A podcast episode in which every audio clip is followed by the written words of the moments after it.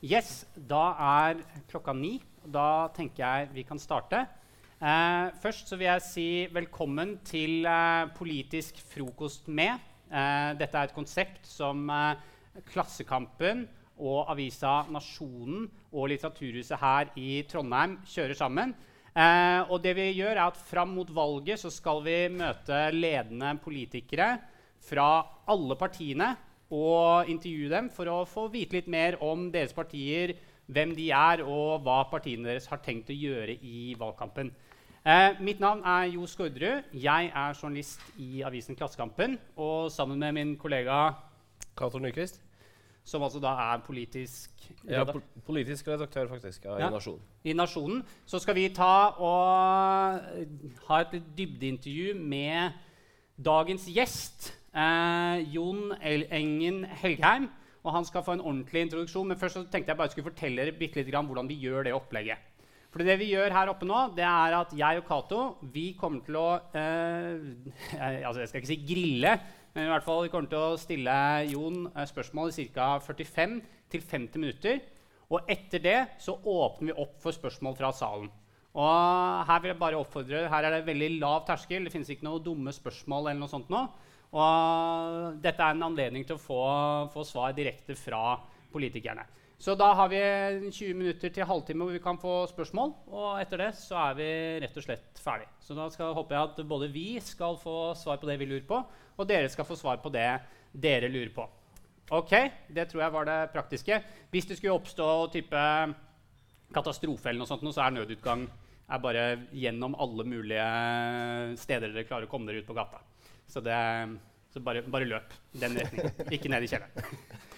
Ok, Da tenker jeg vi, tiden er kommet til å introdusere dagens gjest. Det er altså Jon Engen Høgheim. Veldig hyggelig å ha deg, Jon. Eh, Jon han er jo da 37 år fortsatt. Eh, han er fra Hokksund og Drammen. Og ble for første gang stortingsrepresentant nå i 2017. Så du er egentlig ganske fersk på Stortinget.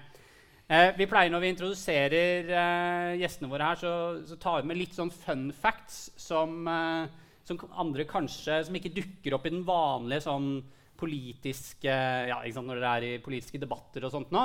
Eh, og da kan jeg fortelle at eh, Det er jo mye klaging over at eh, politikerne på Stortinget ikke har jobba. Men, men, det har du, Jon. Du ja. har hatt ordentlige jobber. som vi kan kalle det du har vært Ja, ordentlig. ordentlig. Jeg har i hvert fall jobba helt siden jeg var 17 år. Jeg. Ja, til jeg kom inn på Stortinget i 2017. Så jeg har uh, noen år med arbeidserfaring bak meg. Ja, fordi Du har, du har vært uh, slags sjef i et renholdsfirma.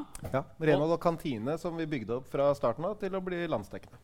Og så har du vært anleggsgartner. Det stemmer. Men kanskje, det, det, er ikke, det, er jo ikke, oppsiktsvekkende at en stortingspolitiker faktisk har hatt en jobb. Men, uh, men, det som er litt oppsiktsvekkende, syntes jeg, det var når jeg, når jeg Og jeg stjeler jo da selvfølgelig skamløst fra type Wikipedia og sånt nå. Men når jeg skulle finne fun facts om deg, det var litt oppsiktsvekkende, det er at jeg innser at du er altså nummer fem av 14 søsken. Det er riktig. Ja, Og mora di har, og, det, og her er det én mor involvert, som er nesten enda mer imponerende. Og det er dagens første utfordring til deg da, Jon, det er klarer du på rappen å si navnet på alle 14 søsknene dine? Ja, Det må jeg klare. Det, da får vi starte på toppen. Da er det Magne, Øyvind, Heidi, Knut. Og så er det meg.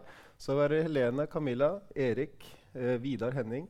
Um, Le Ma nei, Lena, nei, Merete, Lena Maren eh, og eh, Linnea. Ja. Jeg tror du klarte meg. jeg mista telling litt. Uh, jeg tror det skulle være litt, alle, altså. Uh, midt, midt inni der. Ok, eh, men Da vet vi i hvert fall litt om eh, Jon, som altså er innvandringspolitisk talsperson i, eh, i, Frp og har vært det siden 2017. Og da er det nok koseprat og over på liksom, alvoret. Fordi det jeg har lyst til å starte med deg, da, Jon, siden du, siden du er eh, innvandringspolitisk talsperson, tenker jeg det er naturlig å starte med innvandring.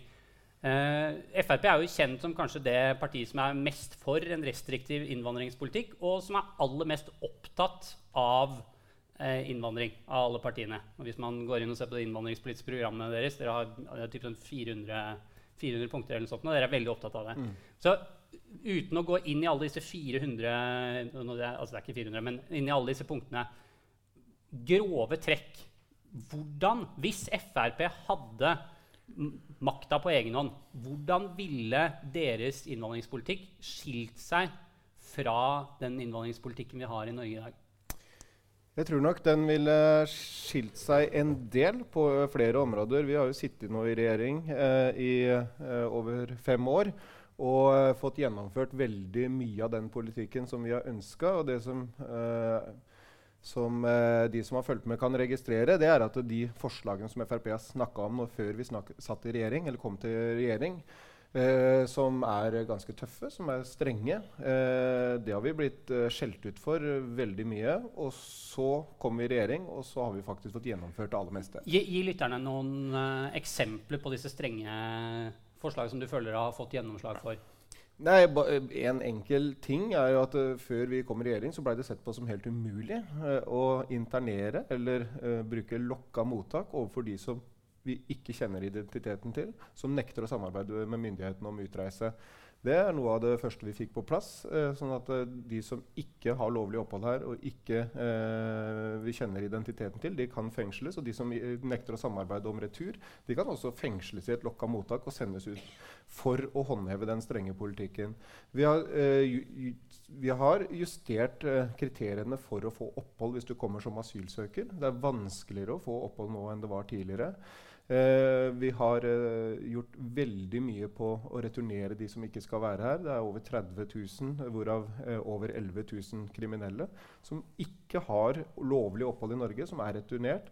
Eh, og når jeg tok en opptelling eh, på eh, ting vi har gjort, så kom jeg til sånn rundt 50 punkter, som er ganske klare innstramminger på uh, innvandringspolitikken. Men fortsatt så er det nok en del sånne større endringer som Frp skulle ha gjort, som vi ikke har fått til nå.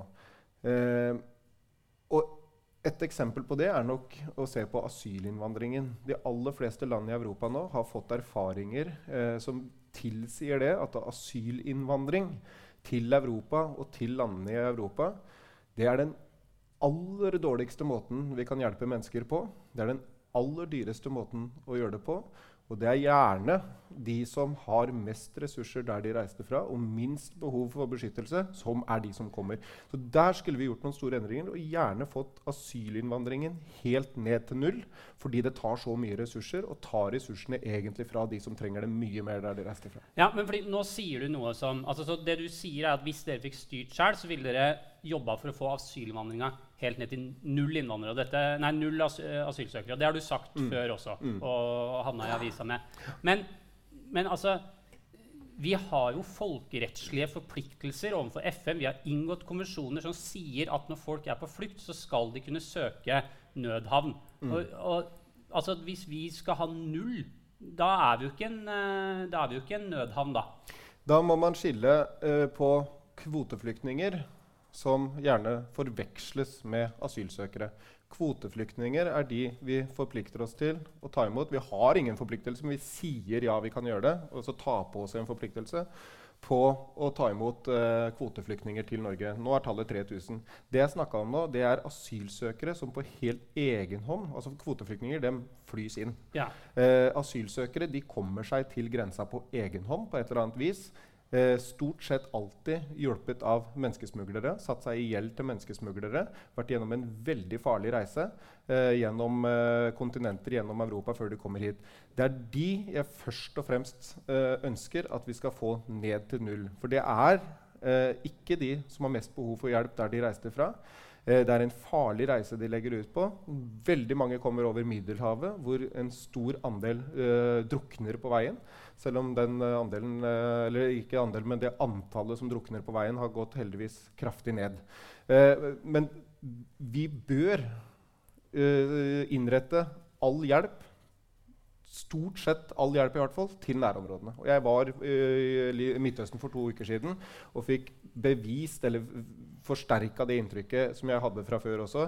Det er der hjelpen trengs. Ja, ok, jeg, jeg skjønner. Vi skal komme tilbake til dette. Dette er jo den der 'hjelp dem der de er', som Frp er. Og det skal, vi, det skal vi komme tilbake til. Men jeg vil bare snakke litt mer om dette. Altså, folk har jo rett til å komme til et land. De har rett. I dag så har du, hvis du er på flukt, så har du rett til å komme på grensa til Norge, banke på og si 'Jeg er i nød. Jeg trenger nødhavn. La meg Det har du rett til i dag. Ja. okay, okay, men la, uh, Du skal meg, gjøre det ja. i nærmeste land. det, det, tror jeg ikke er en regel at du skal uh, gjøre. Men det, det, kan vi krangle om senere. Men det jeg lurer på, fordi det, hvis du, Dere snakker mye om nærområdene. og I nærområdene rundt f.eks. Syria da, så har du land som Libanon, du har land som Tyrkia, i nærheten av konfliktsoner som Afghanistan, så har du land som Pakistan, som tar imot millioner av flyktninger. altså Tyrkia har vel tre millioner. Lille Libanon, som er omtrent like mange som i Norge, har én million flyktninger. Pakistan har, har vel flere millioner, de òg. Og Hvilket signal tenker du det sender til disse landene hvis vi sier ok, Tyrkia tar imot noen millioner flyktninger. Her i Norge så skal vi ta imot null eh, asylsøkere. Ja, Det var faktisk en av de mest interessante opplevelsene jeg hadde når jeg besøkte Jordan og Libanon for to uker siden. Eh, for, det, eh, for, å ta Jordan først eh, Det var ingen fra myndighetene der, altså absolutt ingen, som nevnte med et ord at Norge eller Europa burde ta imot flyktninger. Det de sa, var at eh, de føler de står sammen med det internasjonale samfunnet. Det er Europa, det er USA, som finansierer flyktningleirene der. Eh, eh, de finansierer UNHCRs operasjoner i hele landet. Og de sa at vi er klare til å ha de flyktningene her så lenge det måtte være behov, og så lenge det internasjonale samfunnet står bak oss. Men det som var veldig trist å se, det var at for inneværende år så mangla Jordan 96% av budsjettet for å hjelpe disse flyktningene bare ut året. Um, det er 760 000 flyktninger som er med i det programmet, og de er tom for penger. Uh, og det er jo uh, etter min mening pga. at uh, nå begynner Europa å få litt nok med de flyktningene de har tatt imot. For det er så fryktelig dyrt å ha dem i Europa og bosette flyktninger her. Eh, for å ta et eksempel, Hvis vi hadde opp, eh, hvis vi hadde tatt eh, og kutta ut 500 eh, kvoteflyktninger til Norge, og de livsløpskostnadene vi pådrar oss da, så kunne vi finansiert resten av året eh, for 760 000 flyktninger i eh, Jordan som nå ikke har et tilbud ut året. og det setter ting litt i perspektiv.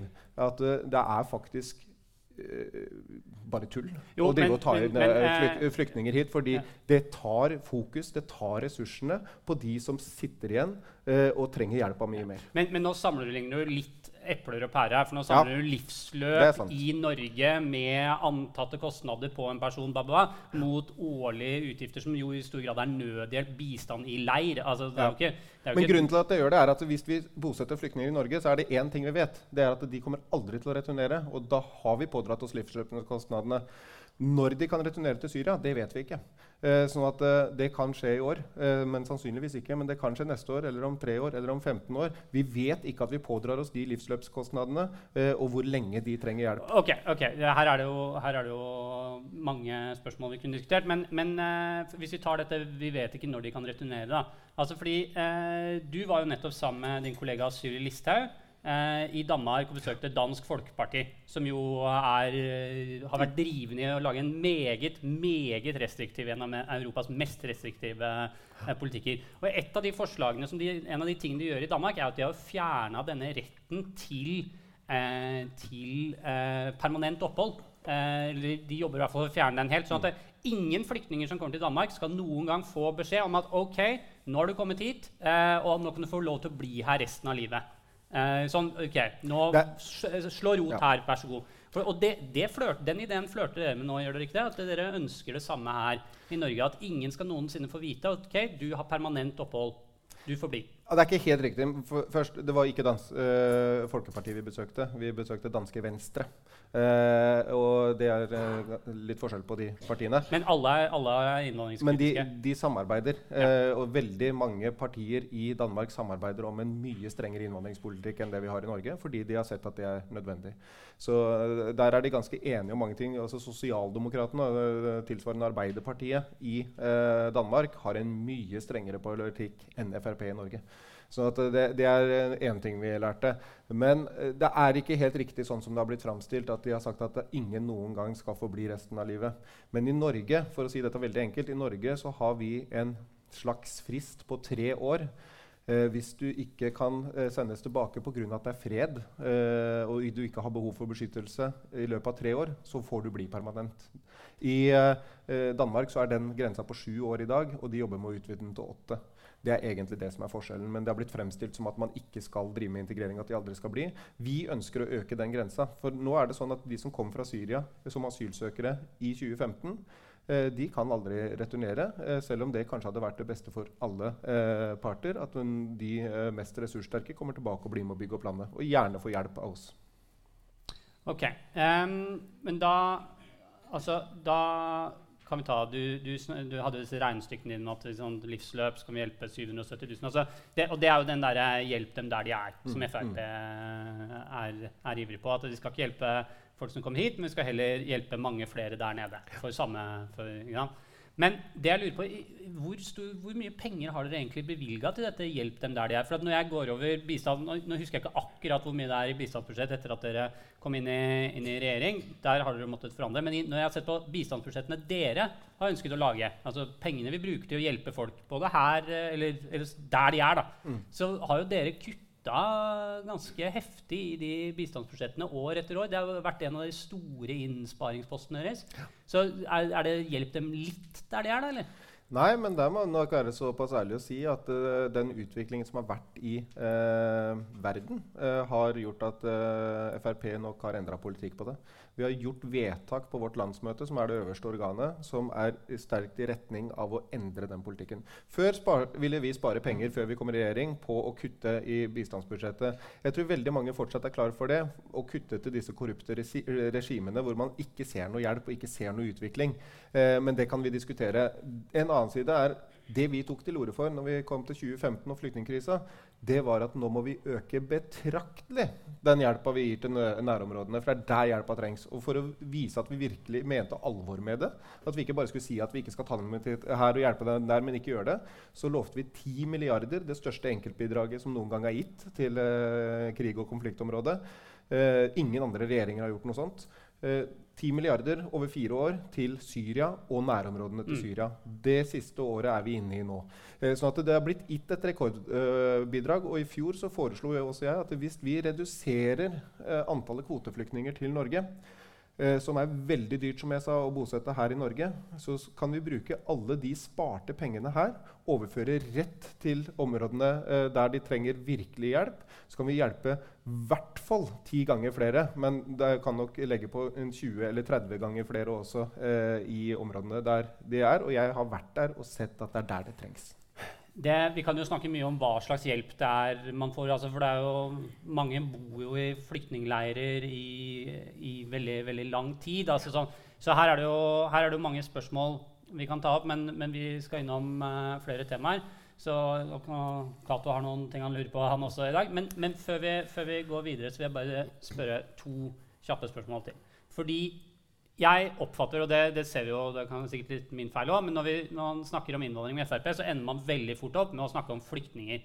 Hvorfor ender man nesten aldri opp med å snakke med dere om EØS-innvandrere? Altså fordi dere er fryktelig opptatt av, uh, av, flyktninger, men dere snakker i veldig liten grad om eh, arbeidsinnvandring fra EØS-området. Grunnen til det at jeg spør, er fordi at det, det kom en rapport fra Frisch-senteret nå som viser nå nylig så sånn, uh, forskningsinstitutt da, som viser at arbeidsinnvandring fra EØS har hatt en dempende effekt på mulighetene i deler av arbeidslivet for mange i Norge.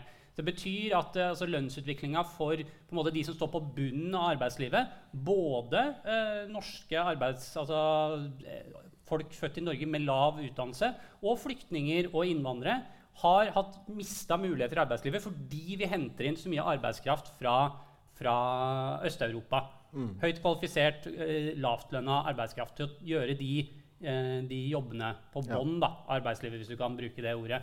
Hvorfor, hvorfor, har dere så store problemer med, med asylsøkere, men, men synes at det er helt eh, konge med fri flyt av arbeidsinnvandring?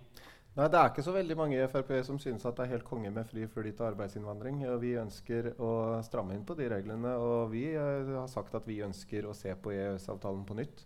Uh, fordi vi, vi, det har en del utfordringer. Men du er inne på et kjempeinteressant spørsmål. Uh, og den rapporten som du dro opp, den viser jo det at For å si det folkelig og enkelt innvandrerne tar jobbene våre, var det egentlig det som ble overskriftene på de lavtlønte. Og de ble kritisert grundig. De, de ble kritisert ja. for det, og dette ja. er jo noe som eh, man sikkert har hørt Frp eh, si tidligere. Eh, uten at, eh, og det har blitt latterliggjort, men nå kom det da en rapport som sa det samme. Eh, og de blir kritisert for det, ja. Men grunnen til at vi fokuserer mest på det vi kaller den ikke-vestlige innvandringen, det er at her har vi gode tall eh, fra Brochmann 1 og 2-utvalget, som egentlig har regna på kostnadene ved innvandring. Der kan man se på eh, hva det koster det norske samfunnet med ikke-vestlig innvandring. Pga. lav arbeidsdeltakelse, gans, eh, ganske mye lavere arbeidsdeltakelse, så koster det samfunnet store summer hvert år. Eh, EØS-innvandring, altså innvandring fra Europa, arbeidsinnvandrere, de jobber mer enn nordmenn. Svensker som kommer til Norge, jobber mer enn nordmenn. Og polakker som kommer til Norge, jobber mer enn nordmenn. Derfor er det en inntekt. Dette tjener Norge godt på. Derfor er ikke det, og det er penger det er snakk om. Ikke-vestlig innvandring koster enorme summer hvert år. EØS-innvandringen gjør det ikke. Men så har det mange problemer, det også. Altfor mange polakker jobber svart. Eh, det vet vi, og vi klarer ikke å gjøre noe med det. Mye organisert kriminalitet som går inn i økonomien, som går inn i firmaene, som, eh, som bør jobbes med. Eh, og det er en del andre sosiale problemer. Barnevernet har hatt mye problemer med, med østeuropeiske arbeidsinnvandrere. Så det har problemer, det også. Vi prøver å sette fokus på det for uh, å ta tak i det som faktisk er problemer der. Ok, vi kunne snakka lenge om det. Men siste spørsmål til deg, og så skal vi slippe det i Cato. Og det vi må snakke om da, er denne, denne uttalelsen som du har fått mye media på i det siste. Fordi det var jo det regjeringspartneren eh, deres Venstre.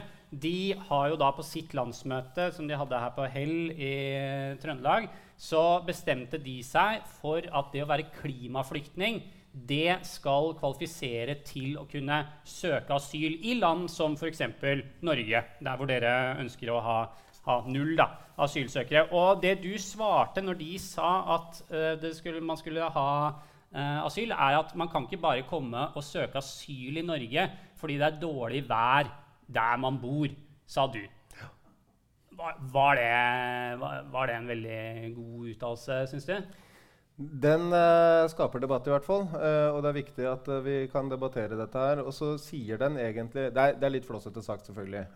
men det er ikke helt uten grunn. fordi det jeg frykter, hvis vi skulle åpna for noe sånn, så senker man terskelen for å få asyl kraftig.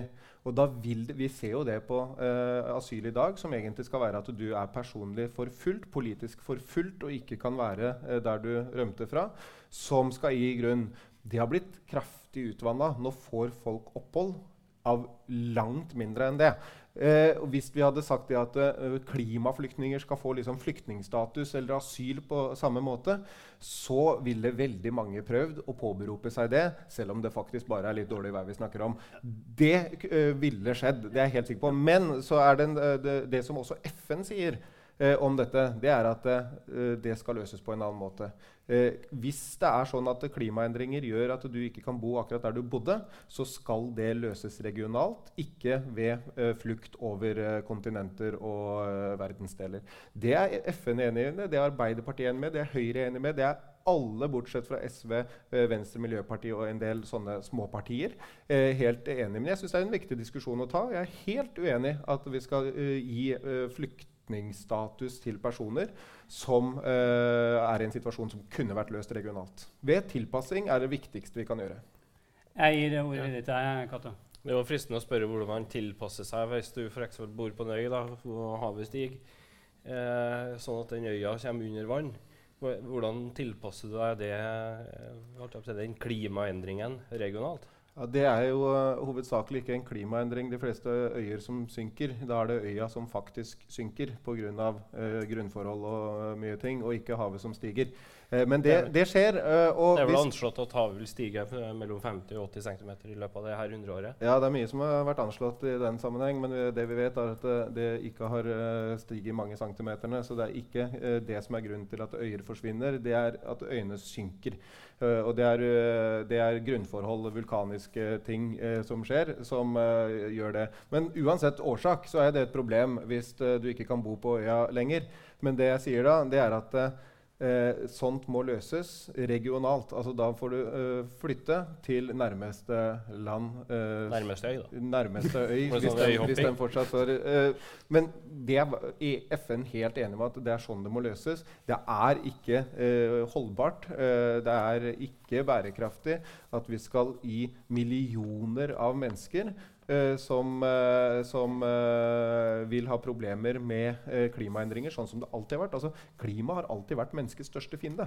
Det har alltid endra seg, det har alltid skapt problemer. og Man har alltid måttet flytte på seg, mått, alltid måttet tilpasse seg klimaendringer. Det kommer man til å gjøre fortsatt. Og plutselig nå si at nå skal det i opphold i en annen verdensdel, i et annet land, et bitte lite land uh, oppe i nord, så, eh, så ville vi hatt en tilstrømning til Norge som hadde vært helt sinnssyk. For Norge ville vært det eneste som, eh, landet som ville gjort det.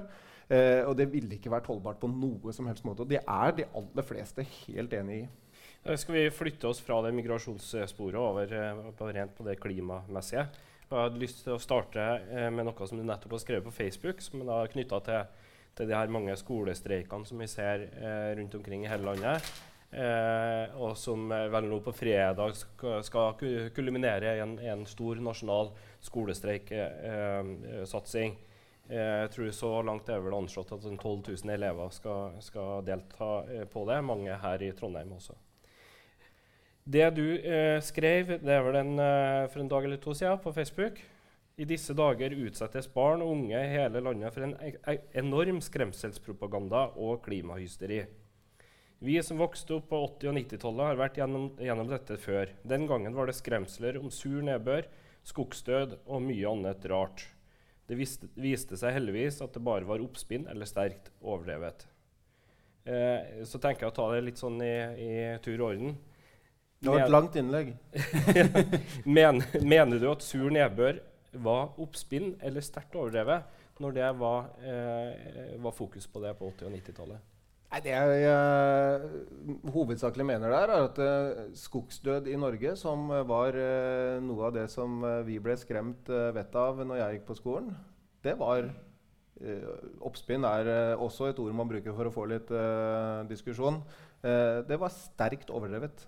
Det skjedde ikke. Og det var ikke noe reell risiko for det, sånn som vi kan så se det etterpå. Eh, men dette her har det blitt brukt veldig mye tid, veldig mye ressurser. Jeg mener for, først og fremst at innfallsvinkelen er helt feil. Sånn som jeg, jeg og- veldig mange med meg, jeg blei lei. Men jeg var jo bekymra. Jeg var oppriktig bekymra for skolen for at jeg ikke hadde noe framtid. Så viser det seg at det, dette her skjer ved jevne mellomrom. At det får dette hysteriet. Man klarer å komme seg ut av det. Man øh, finner ut at mye av det var overdrevet eller feil. Forskere tar faktisk ofte feil også. Eh, sånn at det, dette her må vi prøve å roe ned så vi ikke skremmer den. Når jeg ser øh, plakater fra disse skolestreikene hvor det står 'Hvorfor skal vi gå på skole når vi ikke har noe fremtid?' Da har du skremt vettet av barna. Og det mener jeg at det må man slutte med. Men, men bare for å gå videre på det her med sur nedbør, for at jeg var da klikka meg inn på miljøstatus.no, som jo da er, er de offisielle myndighetene sin, sin miljøinformasjon. Og, og det er ganske riktig som jeg sier at den skogsdøden den som mange frykta, ble ikke så, eh, ble ikke så ille som, eh, som eh, noen eh, frykta. Mm. Men man eh, så likevel skader på skogen. Men man så eh, har, har fått store negative konsekvenser av sur nedbør. Også det er Sur nedbør eh, skyldes forurensning som kommer fra utslipp av svovel og, Mm. og nitrogen. Eh, den forurensninga kom hovedsakelig fra utlandet. Og eh, ifølge miljøstatus.no så ble minst 25 laksebestander i Sør-Norge eh, de døde ut som følge av sur nedbør. Om lag 15 000 bestander av innlandsfisk gikk også tapt eller ble påvirka av forsuring. Og fortsatt er det sånn at det brukes mellom 90 og 100 millioner kroner på å kalke norske vassdrag. Mm.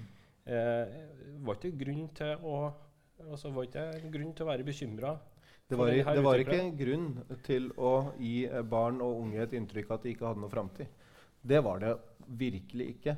Jeg tror vel så mange som blir, det er bra å bli engasjert i miljøsaken. Jeg er det selv. Eh, en ivrig fisker og, og vet nok at eh, altså jeg, det er mange grunner til at laksebestanden ble borte i mange steder i Norge. Eh, og at man har gitt eh, sur nedbør skylda for alt, det tror jeg noen vil være med på å diskutere. Men greit, det har vært med å forsure mye innlandsvassdrag, som er et problem. Eh, men eh, den skogsdøden og mye annet av det der retorikken som foregikk rundt det, den skremte veldig mange. Og da tror jeg det er vel så mange som til slutt, når de skjønner at dette her er overdrevet, dette her blir for mye, så trekker man seg helt unna, så bare blåser man i det. Og det og for dette massive trykket som er nå, det mener jeg er feil. Men hva, Du kan jo se på hva som faktisk skjedde da når vi hadde denne sur nedbør-debatten. Eh, da ble det da, eh, inngått internasjonale avtaler for å redusere altså rense utslippene da, fra industri og fra, fra kulldrift eh, mm. i Storbritannia og Tyskland og alle de landene rundt eh, Nordsjøen.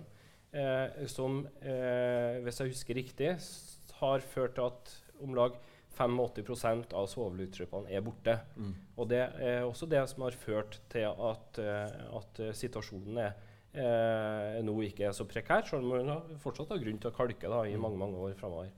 Eh, er ikke det en reaksjon som nettopp ble utløst av at det var så stor, sterk bekymring for, for miljøet og for sur nedbør den gangen?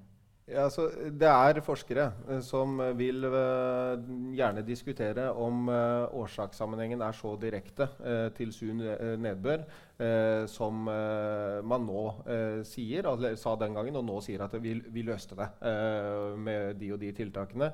Det er grunn til å tro at dette kan være mer sammensatt. og Det samme gjelder ozonhullet. Men, men man måler, måler, jo det. Også, det kan jo måles jo, men, hvor stort svovel nedfallet er i Norge i dag sammenligna med la oss si 20 år siden. Ja, og, men, og, det er betydelig redusert. Men om det hadde den øh, negative innvirkningen på alle vassdragene, at om det var hele grunnen til at øh, fiskebestanden øh, begynte å slite, det kan man finne, finne, forskere som er villige til å diskutere. Men den diskusjonen den skal jeg ikke ta. Men det som er mitt hovedbudskap, det er at uh, man går for langt i å skremme barn og unge uh, til at man ikke har noe framtid. Uh, det har man gjort mange ganger tidligere i historien. Det har alltid vært feil. Vi har hatt en framtid. Vi har løst det. Så en litt mer balansert, nyansert tilnærming til dette her tror jeg ville vært sunt for alle. Da ville man hatt flere med seg. Flere kunne kanskje sett et lite håp i eh, det man gjør, og kunne engasjert seg eh, der det nytter. Og så er det eh, helt sikkert mange bra ting som blir uh, gjort. Det vet vi. Masse bra uh, miljøtiltak. Helt nødvendige endringer, kursendringer og sånne ting som har vært gjort. Det er veldig bra. Men det foregår også at man gjør en del ting som ikke er bra. F.eks. når vi skulle redde klimaet, eh, og Europa og verdenssamfunnet fant ut at vi må begynne å dyrke raps og solsikke for å få biobrensel, for det er mye, mye mer miljøvennlig. Så kutta man ut å dyrke korn og mat. Eh, og gikk heller over til å dyrke råvarer til biobrensel. Det førte til en global eh, eh, matmangel som eh, førte til hungersnød, hvor da de svakeste spesielt mista maten eh, og døde av det. Så da døde man jo av klimatiltakene som skulle redde deg. Og det snakker man ikke så veldig mye om nå, men det er en helt reell greie hvor hysteriet tok overhånd og førte til tiltak som gjorde at folk faktisk sulta i hjel. Jeg, jeg, hadde ikke helt lyst til å slippe tak i den der eh, meldinga som du ga til, til norske skoleelever. Eh, du nevnte også det her med ozonhullet. Mm. Eh, og det var jo vel sånn på slutten av 80-tallet så sang vel DumDum Boys om at det er hull i himmelen. Og, og, veldig mange var opptatt og bekymra for hva, hva som, eh, som, skjedde med det ozonlaget. Og bare for å forklare det sånn enkelt, så er liksom ozonlaget er på en måte jordas solkrem, som beskytter eh, mennesker, dyr og planter for ultrafiolett stråling. Og noen av konsekvensene hvis ozonlaget forsvinner, er jo at eh, vi er mer utsatt for kreft. Eh, eh, avlingene vil bli mindre, og, og, det ville også kunne svekke immunforsvaret til, til, mennesker og dyr. Men der var det vel også sånn at det ble identifisert en årsak til at eh, ozonhullet vokste, altså sånne såkalte KFK-gasser, så gasser som vi hadde i kjøleskapet osv. Og så ble det inngått en internasjonal avtale for å redusere utslippene av det. Og så ser vi at eh, situasjonen i ozonlaget for ozonlaget er bedre. Ikke veldig mye bedre, men uh, veldig, veldig veldig sakte så ser man at uh, hullet uh, ja, Det går veldig opp og ned fra år til år. Ja, det og det vi vet, er at temperatur, værsystemer oppe i atmosfæren påvirker dette veldig fra år til år. Uh, og det er ikke mange år siden, uh, jeg tror det var i 2015 eller 2016, så ble ozonhullet over Antarktis uh, målt rekordstort. Så det jeg skrev i det innlegget, er at ozonhullet er der fortsatt. vi snakker ikke så mye om det, bl.a. pga. at man har gjort gode tiltak for å fjerne en del forurensende gasser. Men det er også folk som stiller spørsmålstegn er det, var det bare de gassene som påvirka dette. For det, er jo der fortsatt. Og det tar Det sier forskerne også, at det kommer til å ta veldig lang tid. Det er I 2050 så kommer det til å være tilbake på 1980-nivå, 1980 sier du. Men uh, det finnes forskere som, uh, og, og, andre som er veldig interessert i dette her, som sier det at det, det kan være uh, at dette er mer naturlig styrt enn det vi trodde den gangen. Jeg, jeg, føler jo at du, helt, at du, ofte kommer tilbake til at det finnes forskere som har en annen forklaring enn det som er den rådende. Mm. Og det er, gjelder vel da kanskje også denne klimadebatten. Altså, er du i tvil om, om de klimaendringene som vi ser, er, er, menneskeskapt, eller i hvert fall at menneskelig aktivitet påvirker de klimaendringene som vi ser, beviselig da ser? Ja, så Jeg mener at vi fortsatt må ha en diskusjon, og det fortsatt uh, må forskes på i hvor stor grad uh, mennesker påvirker uh, klima. det kan godt være at det ikke er i så stor grad som man får inntrykk av nå. Og det at forskere tar feil, og at også alle forskere skulle ta feil, det er jo vanlig. Det skjer faktisk på en, et tema som uten sammenligning for øvrig kan være interessant å se på. Eh, forskning på kroppen det er noe det som har foregått aller aller mest. Eh, og eh, de som forsker på ryggsmerter, de har alltid vært enige om årsaken til at det skjer, hvordan man skal unngå det med å bære riktig, og lærte opp hele Europa og verden i hvordan man skal bære riktig for å unngå dette. her. Alle var enige. Og det er mye enklere å forske på ryggsmerter enn klimaendringer. Og nå har de funnet ut at alle tok feil.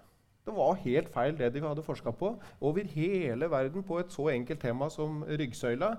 De klarte det ikke. Og har kommet med helt andre konklusjoner nå, så at forskere tar helt feil, og at alle tar feil. Det føler at vi er over Men det var en litt, litt, litt annet tema. Det er jeg klar over. men, uh, ta, men også, uh, når du henvender deg til skoleelever, da, og, og, noen av dem er her også, uh, så er det jo sånn at eh, det er laga mange tusen, altså eh, 12 000-14 000 rapporter, klimarapporter. Og, og, en sammenstilling av det viser at mellom 90 og 100% av de forskerne mener at det er en, en klar sammenheng, og at menneskelig aktivitet også er den viktigste mm. mm. årsaken til, til de klimaendringene som vi ser. Og så bør skoleelevene det, tror jeg også. men, men skole, skoleelever som da skal, skal, eh, lære seg å skille mellom fakta og fake news, skal de lytte på, skal de lytte på deg, eller skal de lytte på det overveldende ja, flertallet av forskere? Alltid lurt å lytte til meg, tror jeg. Uh, uh, na, men uh, det forskerne er enige om, det er at mennesker påvirker. og den siste rapporten som kom også, så var de enda mer enige enn noen gang om at mennesker påvirker. Og det er vel og bra. Men i hvor stor grad sier dette veldig lite om. Uh, så det er ingen som kan slå fast uh, om vi påvirker så lite eller så mye uh, av de klimaendringene vi ser. Men vi vet at klimaendringer har alltid funnet sted. Det kommer alltid til å funne sted. Ja, det skjer muligens noe raskere nå enn tidligere.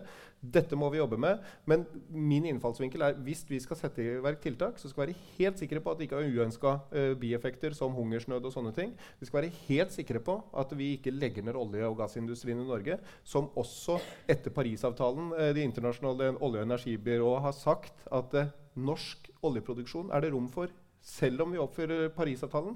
Den bør uh, bestå. Så vi skal ikke eh, iverksette tiltak som er hysteriske og overilte, som vil ha negative konsekvenser. Og vi må satse på tiltak som vil gi flere eh, gode bieffekter. Eh, altså eh, alle kan være enige uansett årsak at uh, bilbruken uh, bør ned. Det har uh, positive sider for alle hvis vi klarer det. så de, selv om jeg mener at det er luftforurensning eller støy eller hva det nå skulle være som er årsaken, så er tiltakene gjerne det samme. Mm. Men bare for sånn avslutningsvis, altså, hvis du skal oppsummere så, Når det gjelder sur nedbør, så gikk verdenssamfunnet sammen og, og inngikk avtaler som reduserte utslippene sterkt. Samme gjaldt for ozonlaget og de her eh, fluorgassene. Eh, det, altså Hvorfor er ikke det en, eh, en fornuftig metode også i, i klimadebatten? Det er mange grunner til det, og det var det jeg var inne på nå. Det som de som gjerne legger fram dette som suksesshistorier, unnlater å si, det er alle de blindspora de var inne på på veien.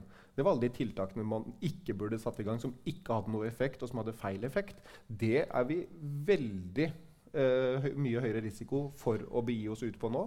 Det er snakk om uh, Norges framtid. Vi er basert på uh, olje og gass. det gjør vi på en god måte. Uh, og det er det rom for framover også, selv om man skal nå Parisavtalemålene. Uh, og hvis vi begynner å tukle med å legge ned det, så kan vi også være ganske sikre på at det velferdssamfunnet som vi kjenner i dag, med, og det som vi har brukt så mange generasjoner på å bygge opp, det vil raskt forsvinne. Og mm. da har man satt i gang tiltak som vil være fryktelig skadelig og farlig for samfunnet. Ok, vi skal, vi skal, over på et nytt uh, tema. Men jeg, jeg, bare må, jeg må ha ett klima, klimaspørsmål jeg, før, vi, før vi slipper det. For jeg, vet ikke, du, du, jeg vet ikke om du har barn uh, nå. Ja, du har barn, ikke sant? Du har barn, jeg har barn. Og, og det, jeg tenker at det er sånn som du sier, at her har du forskere som sier helt forskjellige ting. Noen sier at mennesker påvirker kanskje lite grann. De er jo en, en minoritet av uh, forskerne. og noen av dem ja. Uh, og så har du veldig mange forskere som sier vi påvirker her. Men ok, si det er en uenighet her da, om hvor stor menneskelige påvirkningen er. Men sånn for, uh, for framtida er, e altså er ikke den eneste trygge veien vi kan gjøre som uh, foreldre og, og, og, for disse ungdommene som skal da, kanskje leve lenger enn oss, er ikke den eneste trygge, farbare veien å gå ut ifra at de forskerne som sier dette her kan bli skikkelig farlig, at de har rett. Heller enn å, enn å se på det, de som sier vi vet ikke hvor mye det er, og så gå for den linja, og så viser seg at den, den der gjengen som sa at dette her kan bli katastrofalt, de hadde rett. Og så har du liksom sånn postapokalyptiske tilstander og altså, nå skal vi ikke overdrive, men altså at, Så det blir en virkelig katastrofe som kunne bli avverga, men du hørte på feil mm. forskere. Så er ikke den eneste rasjonelle, trygge linja å gå ut fra at de som er mest alarmistiske, har, har i hvert fall uh, ganske rett. Det du lurer på, er om vi bør legge føre-var-prinsippet til grunn? Ja, ja, det var godt oppsummert. Ja.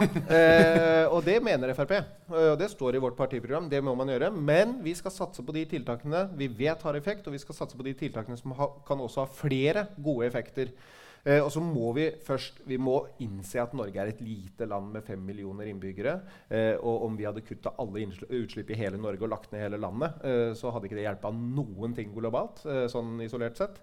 Eh, så det er veldig lite vi kan påvirke. Det er de store nasjonene som forurenser. Altså det er Kina eh, og resten av Europa er mye større enn oss. USA eh, som eh, virkelig kan gjøre noe. Det er meget begrensa hva vi kan gjøre i den store sammenhengen. Men jeg sier ikke at vi ikke skal gjøre noe. Men føre-var-prinsippet kan være bra, og det støtter vi. Men det er sånn at hvis du går til eh, legen og har litt eh, hodepine, eh, så pleier ikke legen å si for å være føre var, så setter vi deg rett på cellegift tilfelle du har kreft. Eh, for det kan være fryktelig farlig eh, å få feil medisin. Og på samme måte som jeg har vært inne på, vi kan finne feil medisin i dette føre-var-prinsippet på kloden også. Det har vi gjort med den hungersnøden jeg snakka om. Det kan vi gjøre med å legge ned olje og gass uten at det er nødvendig i det hele tatt. Sånn at å bare si føre-var-prinsippet, så setter vi i gang tiltak som kan sette oss i alvorlig uføre, det er farlig. og Det er en grunn til at leger ikke setter deg på cellegift for å være føre var før du har sjekka at du har kreft. Ok, Vi går videre til uh, neste, neste, tema. Frp var jo, dere var jo opposisjonspartiet fremfor noen i mange mange år. Uh, Rappkjefta opposisjonsparti som veldig lenge ingen egentlig ville samarbeide med. Og så ble dere regjeringsparti. Hvordan har, hvordan har det endra dere som uh, parti? Nei, det har endra oss eh, på den måten at vi i mye større grad må snakke ut ifra det regjeringspartiene har blitt enige om. Men så har vi også vært veldig eh, bestemt på at selv om vi går inn i regjering med andre partier, så blir vi ikke ett parti. Eh, vi står for akkurat de samme eh, standpunktene. Vi har det samme partiprogrammet. Vi er fortsatt med å utvikle vår egen politikk på flere områder. Eh, så, men eh, vi har definert rollene, eh, og det har vi fått kritikk for også. Våre medlemmer av regjeringen, altså de som sitter i regjering som er statsråder, de snakker regjeringens politikk. Og det må de gjøre. Og, og det kan gå på tvers av FrPs politikk. Men jeg sitter ikke i regjering. Jeg sitter på Stortinget og er valgt inn på Stortinget for Frp. Uh, og snakker om FrPs politikk primært. Det hender jeg blir sendt ut i debatter også for å forsvare regjeringens politikk. Det gjør jeg mer enn gjerne, for det er veldig mye bra politikk. Uh, men uh, min jobb det er å snakke FrPs politikk, og vi har faktisk ikke blitt samme parti. Vi får en del kritikk i egne rekker om at vi har blitt litt for veige at, feige. At vi har tillatt uh, altfor mye, at vi har spist så mange kameler, og at vi at vi ikke er til å kjenne igjen. Eh, den kritikken den får man, eh, og den må man eh, prøve å håndtere. Men vi er bevisst på at vi er fortsatt Frp, og det skal vi fortsatt være. Ok, Men fordi det dere har fått uh, kjeft for av mange, og, og, på en måte litt sånn uh, motvillig beundring for av andre, det er jo at dere, dere har jo ikke gått i den der SV-fella, som vi kan kalle det. Altså SV, når de var i regjering med Arbeiderpartiet, så ble jo forsvant jo de veldig man kan si mye pent og mye slemt om Frp, men dere har i hvert fall ikke altså dere, dere har ikke blitt borte eh, i mediebildet, kan man si.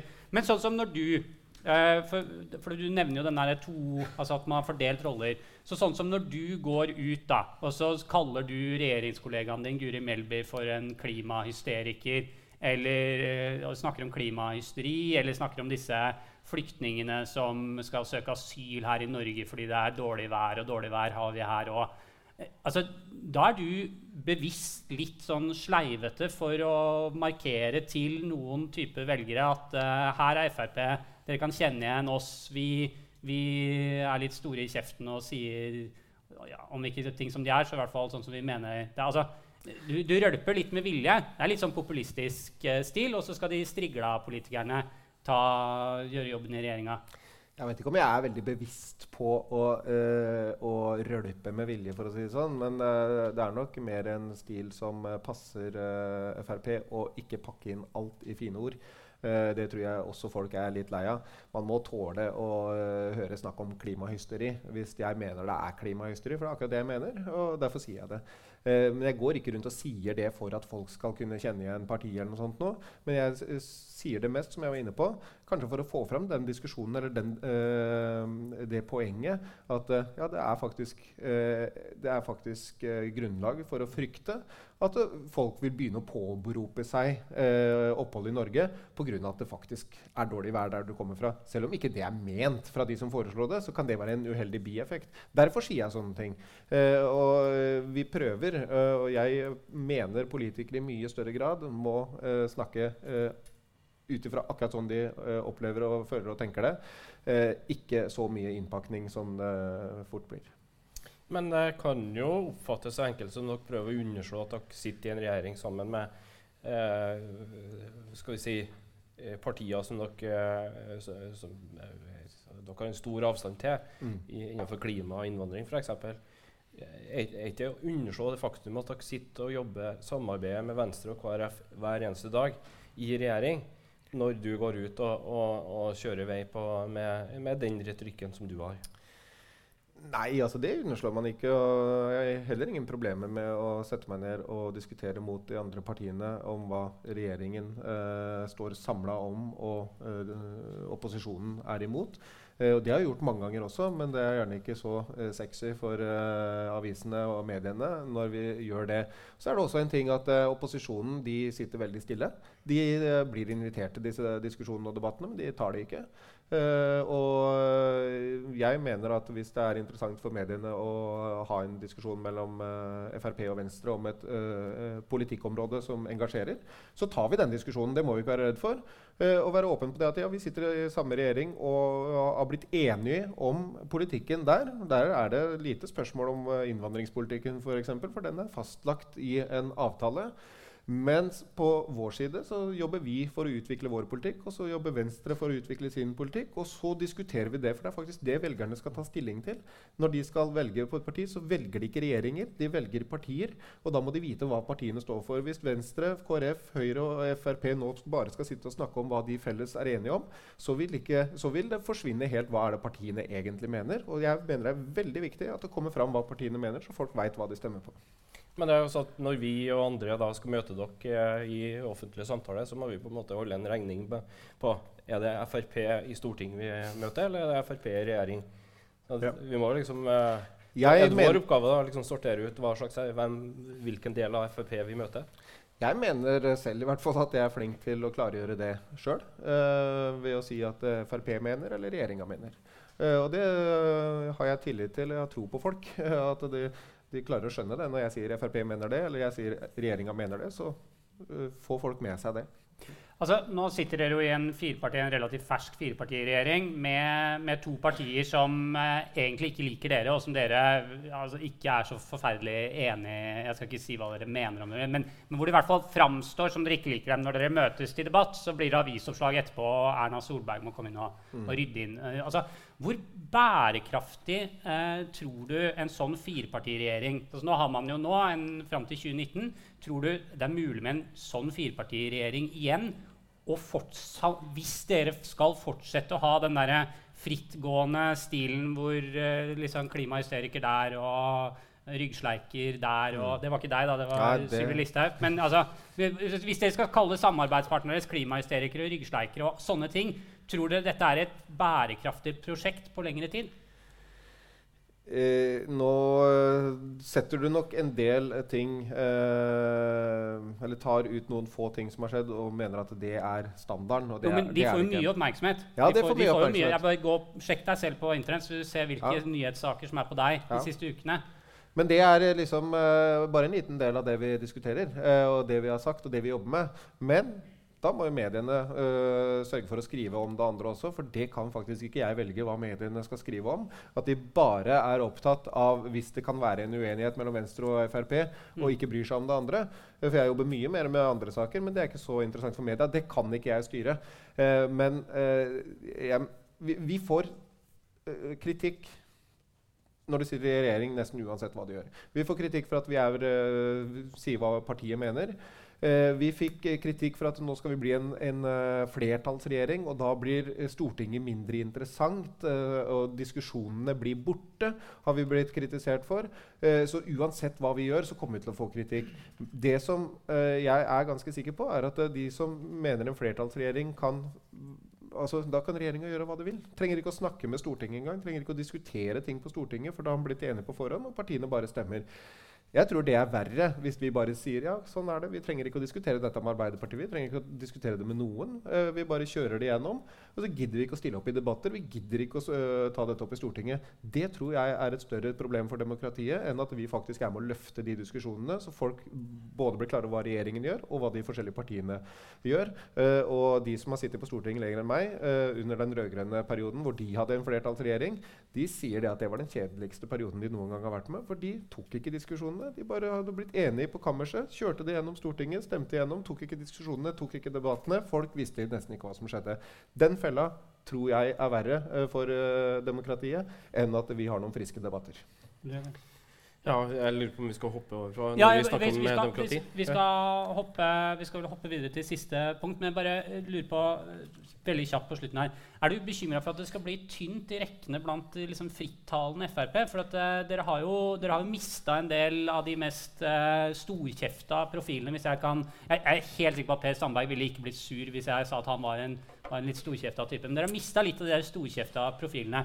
Per Sandberg eh, røyk jo ut over en eh, SIM-kort i Iran-greie. Eh, Maya Keshvari eh, røyk ut over noen noe fiktive reiseregninger. Sylvi Listhaug røyk ikke ut, men hun røyk ut som justisminister over et uheldig Facebook-innlegg.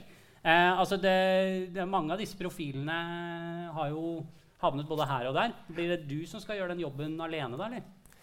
Det, vi sitter nok ikke og diskuterer sånne ting. Vi har våre, vi har våre ikke, måter å være komité, på. Altså. Okay, det er ja, ikke ja. en egen komité som bestemmer at du skal være drittsekken og du skal være lappkjefta og sånne ting. Eh, vi eh, fremstår forskjellig eh, innad i partiet også, eh, etter den personligheten eh, vi har. Eh, men jeg er nok mest bekymra for alt det rare som har skjedd i norsk politikk de siste åra. Eh, for det er med på å svekke tilliten til demokratiet og politikken. Eh, og hvis noen hadde fortalt meg på forhånd at vi skulle få så mye rare nyheter eh, etter at jeg kom inn Det jeg nesten begynte å lure er det min skyld, eller? For dette her, det var jo ikke så mye gærent eh, før jeg kom inn. For det, fra 2017 da, til i dag så har alt skjedd. Det Hva tenker du? Metoo, og du tenker Ja, alt. alle mulige Iran og alt? Ja. Stortingsgarasje. Ja, men, ja, Ja, altså, ja. det- du, den lista over ting som har skjedd i norsk politikk eh, de siste åra, den er så lang og vond at eh, her må vi steppe opp alle sammen og sørge for at eh, nå må vi vinne tilbake tilliten til eh, politikerne. Så må politikere begynne å oppføre seg. Og det gjelder folk i mitt parti, og det gjelder folk i andres parti. Ja, og du skal, du skal få ordet straks, Kato. Men bare aller rareste saken. Det er jo, nå har det jo vært den, eh, den aller snåleste saken i norsk politikk noensinne. Er jo, er jo kanskje dette med at samboeren til justisministeren er sikta av Politiets sikkerhetstjeneste for å sette fyr på sin egen bil eh, i forbindelse med en kontrovers over et eh, teaterstykke. Og Du skal få slippe å mene for mye om det, men, men det jeg lurer på, er det mulig for Tor Mikkel Wara å komme tilbake som justisminister, eller blir det en annen som kommer til å måtte ta den jobben, tror du? Nei, det er helt umulig for meg å svare på. Det er langt utenfor uh, hva jeg eh, skal uh, svare på også. Her har Erna og Siv svart at det er for tidlig å si noe som helst om. Her skal mye jobb gjøres. Eh, og så får man komme tilbake til den diskusjonen når det er tid for det. Den er god. Ja. Vi var jo innom og snakka om demokratiet. og eh, Vi skal jo ikke glemme at det her eh, er, den møteserien vår er jo i forbindelse med lokalvalget. Mm. Eh, jeg vil gjerne også stille deg noen spørsmål om lokaldemokrati.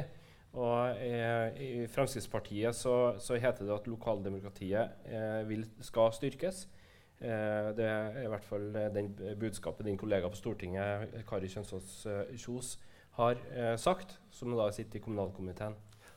Men i programmet til Frp heter det jo at dere vil frata kommunene mulighet til å innføre eiendomsskatt, og at de kommunene som allerede har innført en sånn skatt, eh, må fase den ut i løpet av maks fire år. Eh, hvordan er det å styrke lokaldemokratiet?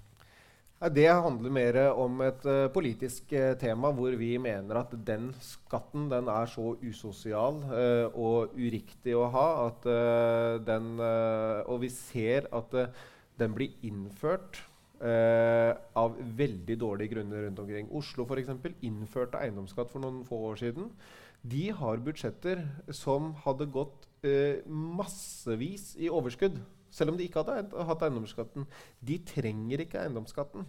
eh, og bruker den bare for å sette milliarder eh, av kroner på bok. Eh, og når vi ser at eh, man misbruker en mulighet eh, til å ta inn eiendomsskatt på den måten som mange eh, kommuner gjør, Trondheim også, går jo flere hundre millioner i overskudd selv uten eiendomsskatten. Men de tar den inn allikevel. Og da mener jeg at da misbruker man en mulighet såpass grovt at eh, statlige myndigheter bør gå inn og si at det der skal man ikke gjøre. Vi skal betale én skatt, eh, og bør, eh, det bør være for vanlige folk inntektsskatten.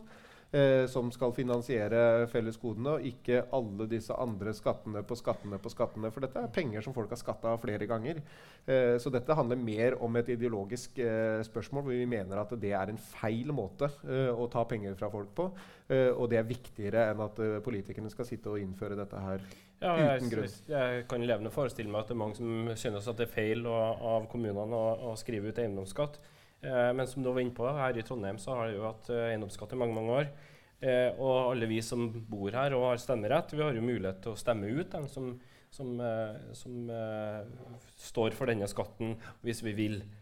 Og er ikke nettopp det som er demokrati? Altså at politikerne som da skriver ut skatter og andre ting, eh, gjør det på egen, eget ansvar og risiko. De må stå til, til ansvar for det overfor velgerne når de eh, da går til valg. Jo, men, øh, og, det er jo sånn som det er i dag også. Så mener jeg at uh, dette bør bli en av de viktige sakene i uh, valgkampen. det må jo være en kjærkommen valgkampsak for Frp? tenker. Ja, det uh, er det også. Så hvis vi skulle vært kyniske på det, så kunne vi bare brukt det som en lokal sak.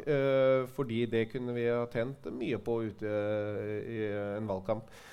men det er veldig mange ting innenfor politikken som ikke ligger til kommunene å bestemme selv. Eh, og den grensegangen hvor det skal gå, det er et eh, diskusjonstema hele veien. Og vi mener at eh, akkurat den skatten altså, uh, For å få gjennomført den helheten i den politikken som vi vil ha, Eh, så vil ikke vi eh, at folk skal skattes flere ganger. Vi mener faktisk det er viktigere enn muligheten til kommunene for å innføre sånn uh, type skatt. Uh, fordi folks penger blir skatta så mange ganger, og det er faktisk uh, viktigere for oss. Men Det siste, siste tallet så det er vel at kommunene driver inn rundt 12 milliarder kroner i, i året på, på, den type eiendomsskatt. og det er jo opplagt penger som de kommunestyrene kan drive politikk med. Ja. Eh, når, når uh, den muligheten da uh, svekkes eller fjernes, aller helst som dere vil, da, så, så vil det jo bety at de lokalpolitikerne har et mindre handlingsrom å drive politikk på. Og, og, og vil ikke det på en måte handler ikke det nettopp også om hva, hva, hvilke demokratiske muligheter lokalpolitikere har? Det er så lett for lokalpolitikerne å bruke dette her som en sovepute, og det ser vi jo at de gjør. Eh, I eh, spesielt kanskje byene, hvor man går uh, med så stort overskudd hvert eneste år at man ikke hadde trengt eiendomsskatten. Selv om man hadde kutta ut eiendomsskatten, så ville Trondheim gått med overskudd. Flere år på rad. Uh, og da syns jeg det er helt merkelig at man ikke tenker på innbyggerne her. Hvordan det slår ut, kanskje spesielt for de svakeste som må betale eiendomsskatten. Uh, og uh, kutter den ut da. Når vi ser at det skjer ikke ute hos kommunene, så mener vi at regjeringen eller staten bør ta grep. og det er ikke sånn, altså Eiendomsskatten står for i snitt da, på alle kommunene ca. 1% av kommunens inntekter. Det er null problem å finansiere på en annen måte ved å legge om politikken. Det er ikke riktig at man må begynne å kutte i eldreomsorg og de lovpålagte tjenestene hvis man kutter eiendomsskatten, men vi må forvente såpass av lokalpolitikerne at de er i stand til å bruke pengene til innbyggerne på en mer fornuftig måte enn det veldig mange gjør. Jeg har sittet i kommunestyret i Drammen i mange år. Det er en kommune uten eiendomsskatt. Vi går også med overskudd. Vi må ikke kutte i eh, pleie og omsorg og de lovpålagte tjenestene som skole og sånt. Vi kan satse på det fordi vi har satt knallharde krav til oss selv om hvordan økonomien skal styres. Og det går på tross av at vi i utgangspunktet har lavere inntekt enn både Oslo og Trondheim, og vi har ikke eiendomsskatt. Så dette er fullt mulig, og her må man stille mer krav til uh, lokalpolitikerne sine. altså. Skal vi se, Apropos krav som stilles til, til lokalpolitikere, så er det jo et annet spørsmål som handler om, om selvstyre og såkalte øremerka midler. Eh, det er altså statlige overføringer da, som blir dedikert til spesifikke formål. Eh, mye øremerking i seg sjøl reduserer jo det lokale handlingsrommet. og I tillegg er det gjerne sånn at kommunene må bidra med en egenandel hvis de skal utløse eh, tilskudd, altså øremerka tilskudd, mm. som staten stiller til rådighet. Og Det reduserer jo det økonomiske handlingsrommet ytterligere. Eh, jeg har ikke noe vitenskapelig belegg for det her, men jeg syns ofte jeg hører i debatten når Frp er, er, er på banen, at det kreves øremerkede midler av, eh, til formål som dere er særlig opptatt av. Om det så er snakk om politibiler, eldre, eldrereform eller, eller sykehjemskjøkken. Er det et riktig inntrykk? Jeg tror nok det var et riktig inntrykk. i hvert fall. Jeg tror nok vi har roet ned uh, kravene om øremerka midler noe de siste årene. Og det ja, for du ser at, man, at det er et uh, Ja da, jeg ser det. Uh, det har veldig mye vært et krav fra oss om at pengene som, som kommunene får for å drive med eldreomsorg, f.eks. Det har vært et tema hyppig, i hvert fall tidligere de går til andre ting. Uh, og man bør sikre de eldre den uh, rettigheten de har på god pleie og omsorg ved å si at de pengene skal bare gå til eldreomsorg. Vi har en litt annen måte å løse det på. Vi ønsker at eh, staten skal ta over mer av finansieringsansvaret for det. Og det er en måte å, å sørge for at de pengene som skulle gå til eldreomsorg, bare går til eldreomsorg.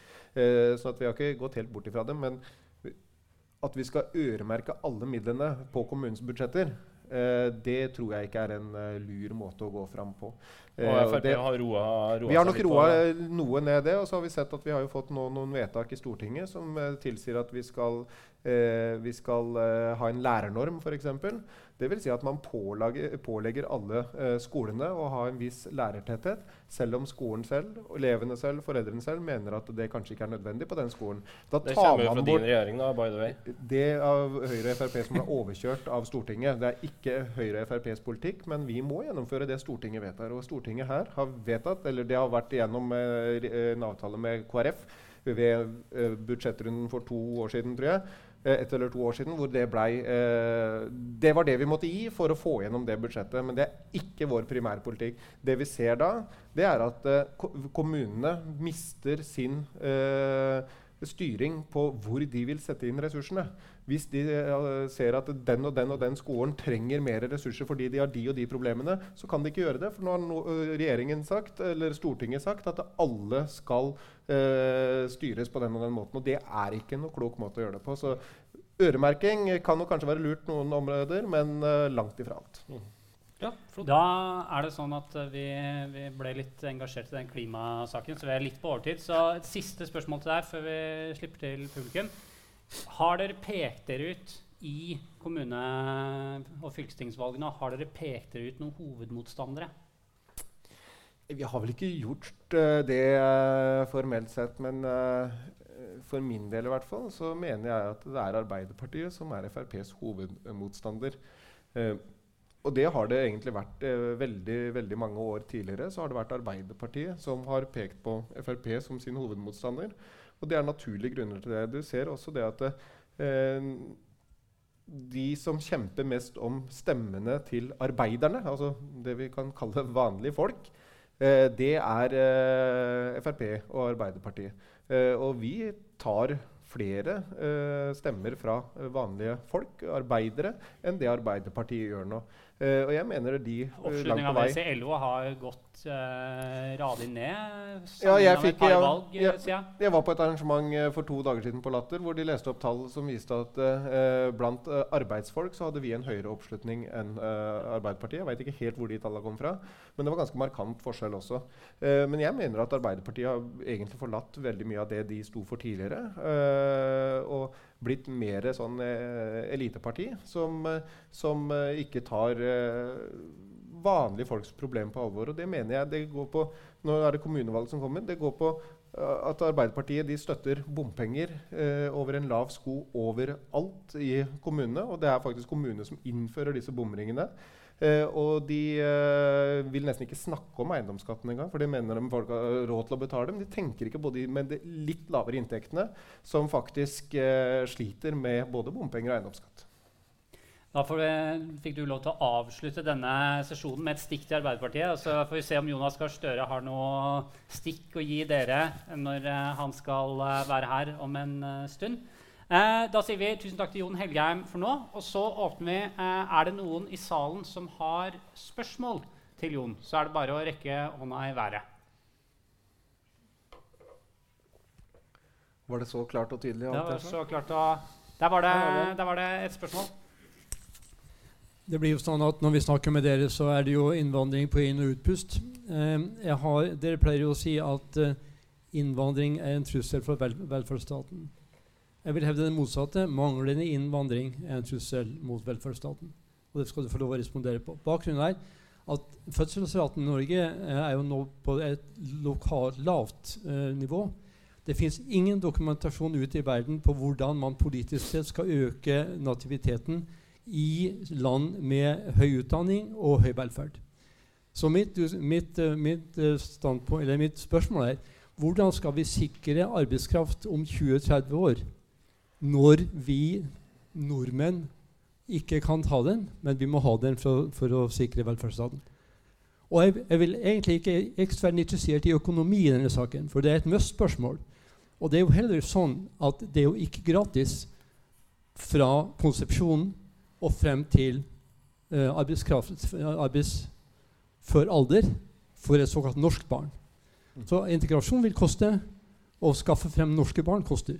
Så økonomien syns jeg ikke er relevant. Men jeg vil at du skal respondere på det.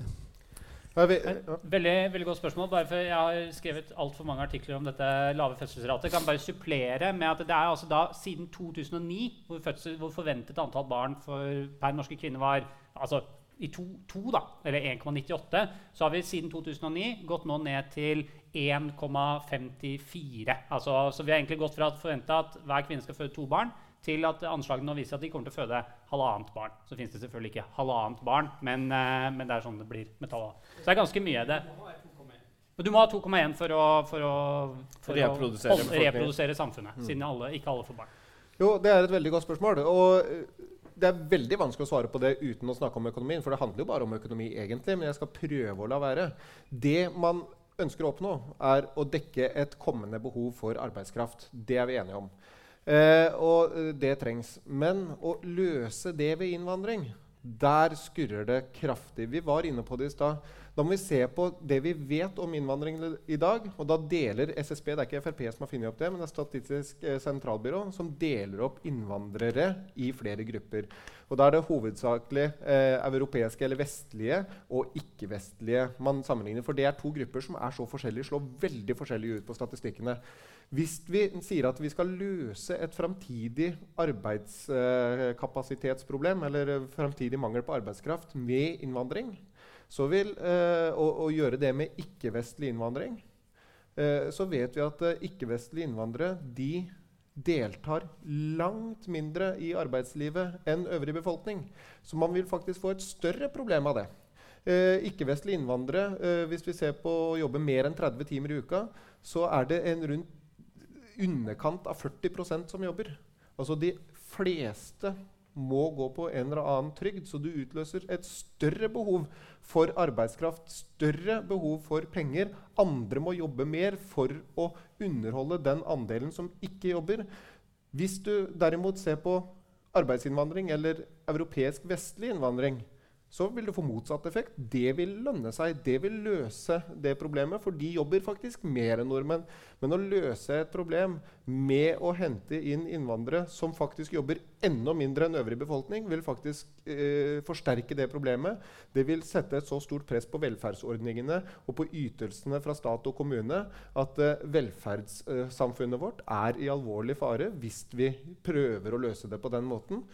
Det er nok ikke heller noe Frp har funnet på selv. Der er de aller fleste partiene av de hvert fall store partiene helt enige. Arbeiderpartiet sier det samme, Høyre sier det samme, Frp er helt enig. Eh, Senterpartiet er nok også helt enig i det, at man kan ikke løse et problem, mangel på arbeidskraft, med å importere en befolkning som jobber enda mindre. Jeg stopper deg der, Jon. Da, så jeg at, uh, da er det to stykker som har tegnet seg i salen. Da er det deg igjen, og så er det får du uh, ordet etterpå.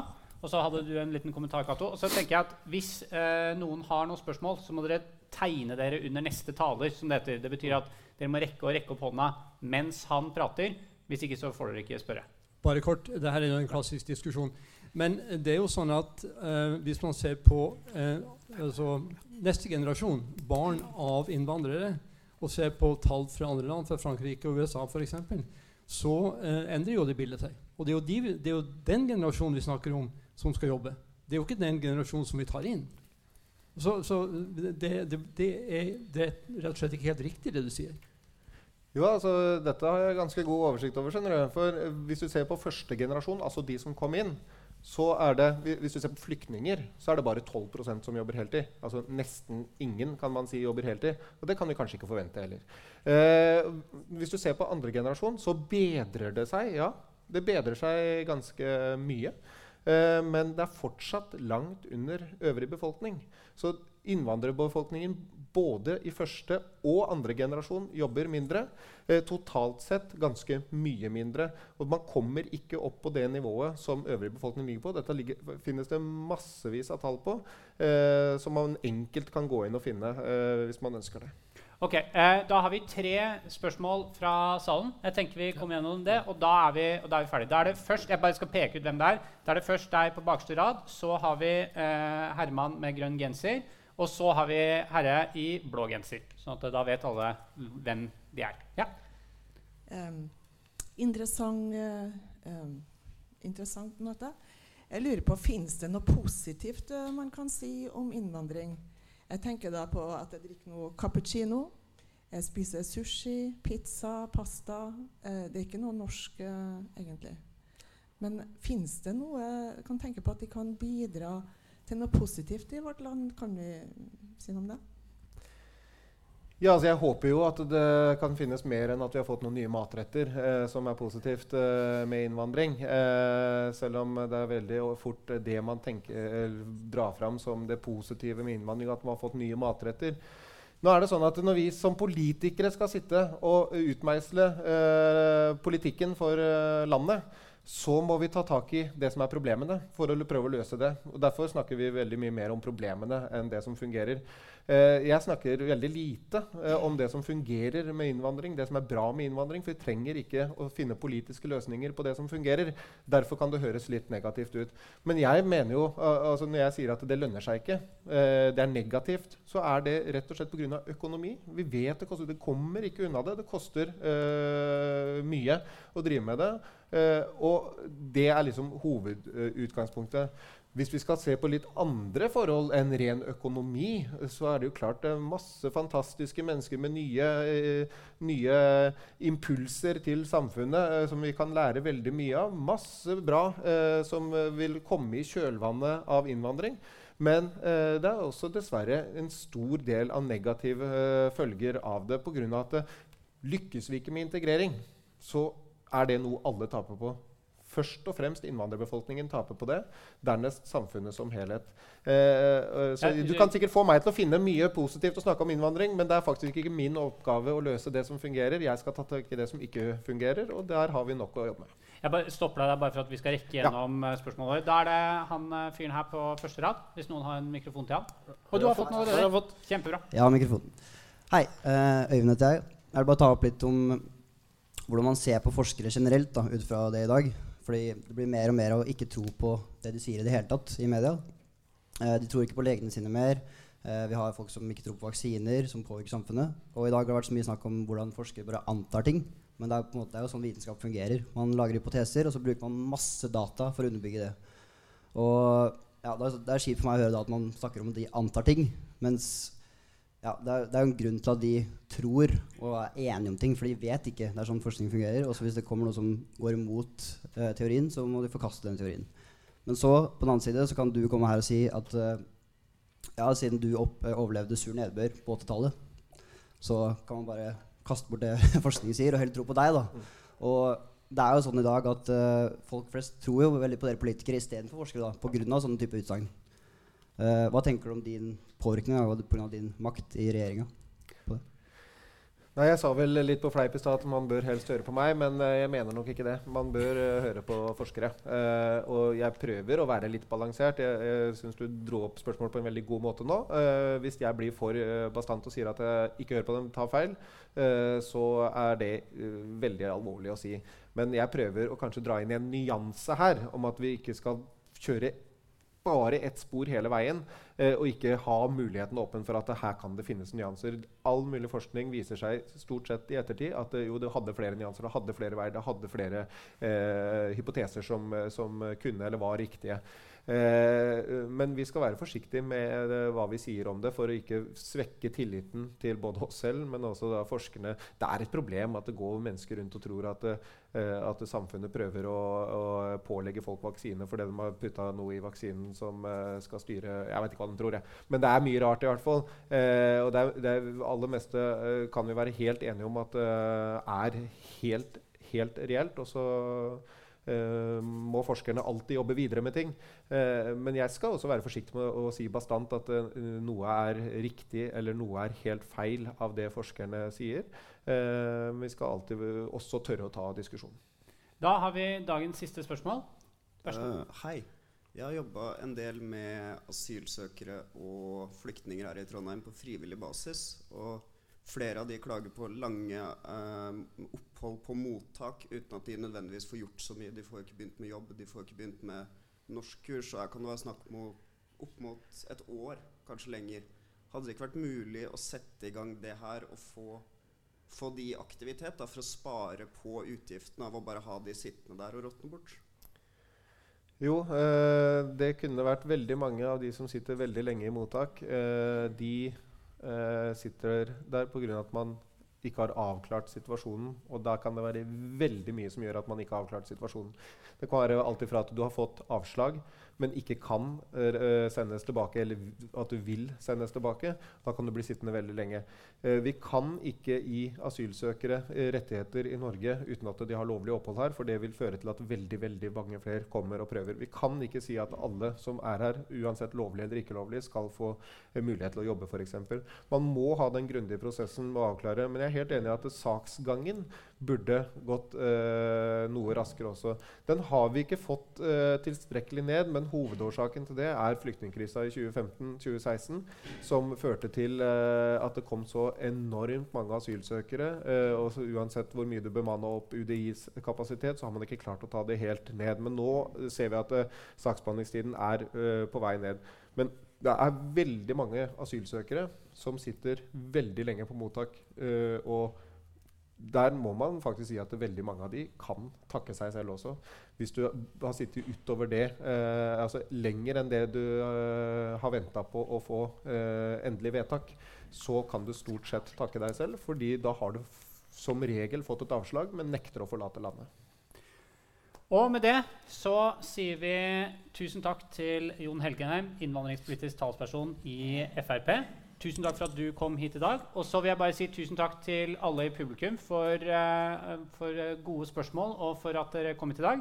Følg med på Litteraturhuset sine uh, Facebook-sider og Nasjonen og Klassekampen sine annonsesider, så vil dere da se de nye, de nye møtene. Vi kommer til å ha møter som dette ganske jevnt hele veien, i hvert fall til vi er gjennom partiene. Og så ser vi hva vi gjør når vi er ferdig med første runde, om vi fortsetter eller ikke. Ok, tusen takk for i dag. Takk skal dere ha.